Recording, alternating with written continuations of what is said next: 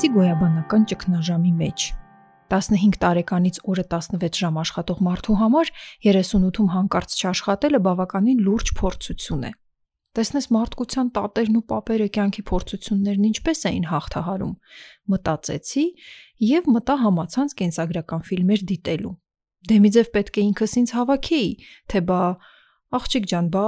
երկրորդ համաշխարհային պատերազմն անցած ապարտեիդ ու սեգրեգացիա տեսած մարդիկ ինչ ասեն։ Ողջույն։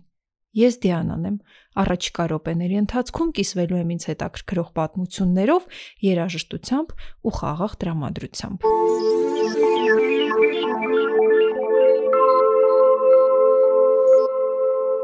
Terence Malick-ի Թաքնված կյանքը ֆիլմը չափից ավելի խաղաղ էր առաջին ժամուկեսը։ Ավստրիացի ֆերմեր ու նացիստական բանակում ծառայելուց հրաժարված Ֆրանց Եգերշտետերի պատմությունն էր։ Դիտում էի հիանում ֆանտաստիկ բնապատկերներով, լռության ձայնով, ընտանեկան համերաշխությամբ, իր կնոջով, բացառիկ, տոկուն, առանց հարցականների սիրող կին է։ Իդեպ 2007-ին 94 տարեկանում իր երեք աղջիկների հետ մասնակցել է ամուսնու սրբադասման արարողությանը։ Սեփական խիստ մարդասիրական հայացքները մինչև մահ պահպանած ու բոլորովին անիմաստ մահվան դատապարտված Ֆրանցին այսօր կաթոլիկ եկեղեցին համարում է ամուսնացած տղամարդկանց պահապան։ Դրանից հետո դիտեցի NASA-ում աշխատող 3 աֆրոամերիկուհի մաթեմատիկոսների մասին պատմող Թաքնված անձինք ֆիլմը։ Թե ֆիլմը շատ թեթև է, նախապես գիտես, որ լավ է ավարտվելու, բայց չես դիմանում քրքրվում ես ամեն անգամ, երբ տեսնում ես, թե ինչպես էր Սևամորթ ու Թարսի պես կինը,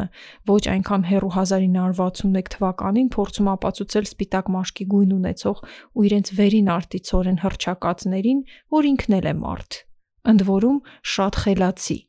Այդ սև ու սպիտակի համար հետս կռիվ չտակ։ Ես անշուշտ հիշում եմ ֆրանսիացի նկարիչ Ժան-Լեոն Ժերոմի հրաշագեղ կտավները, որոնց վրա եվրոպական ու ասիական տարբեր քաղաքների շուկաներն ու դրանց իրարանցումներ։ Իսկ իրարանցման պատճառը գեղեցիկ, սպիտակամաշկ, երիտասարդ ու նրբակազմ կանանց վաճառքն էր։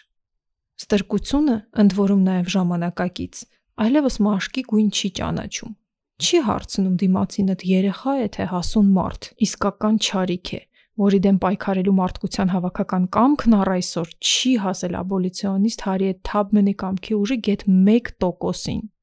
Մարդկությունն այդպես էլ չսովորեց լուրջ ընդունել օգնության ճիչերը, որոնք կոդավորված են դժողքի ոլորաններ անցած մարդկանց ստեղծագործություններում։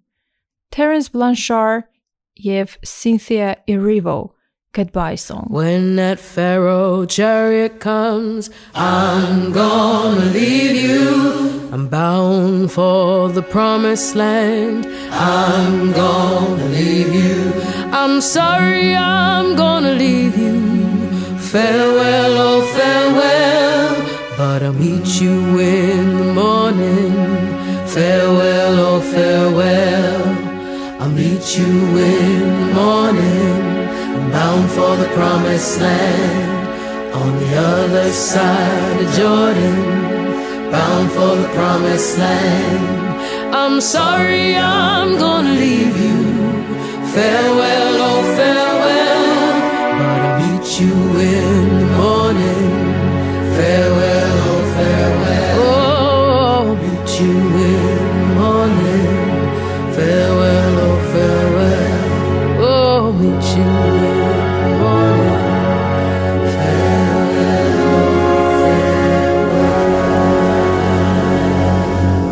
Կամքի ուժ ասացի եւ ահա թե ինչ պատմություն գտա։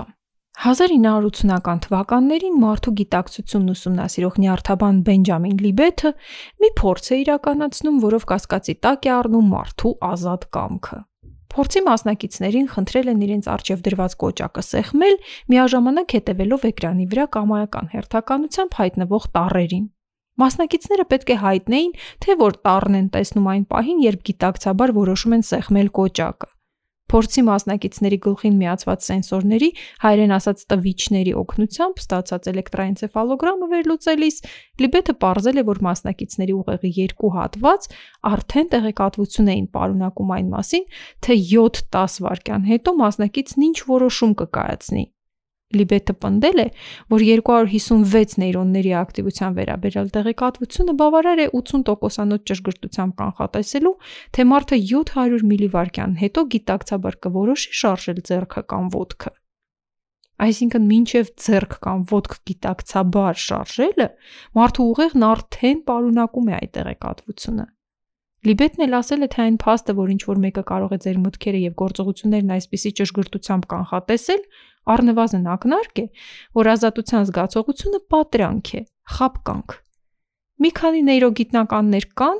որ պնդում են, թե ազատ կամքը ընդհանրապես գոյություն չունի։ Մեր ուղեղն ինչ ուզում, այն էլ անում է։ Մարդու ուզել չուզելը կապ չունի։ Ես հակված եմ մտածելու, որ գիտնականները կամ լավ չեն ուսումնասիրել մարդու ազատ կամքի մեխանիզմը, կամ էլ սխալ եզրակացություններ են արել пассив դերակատարում վերագրելով մարդուն իր իսկ կյանքի կերտման գործում։ A perfect circle passive։ Խաղաղ մնացեք։ Մինչ նոր ոդքասթ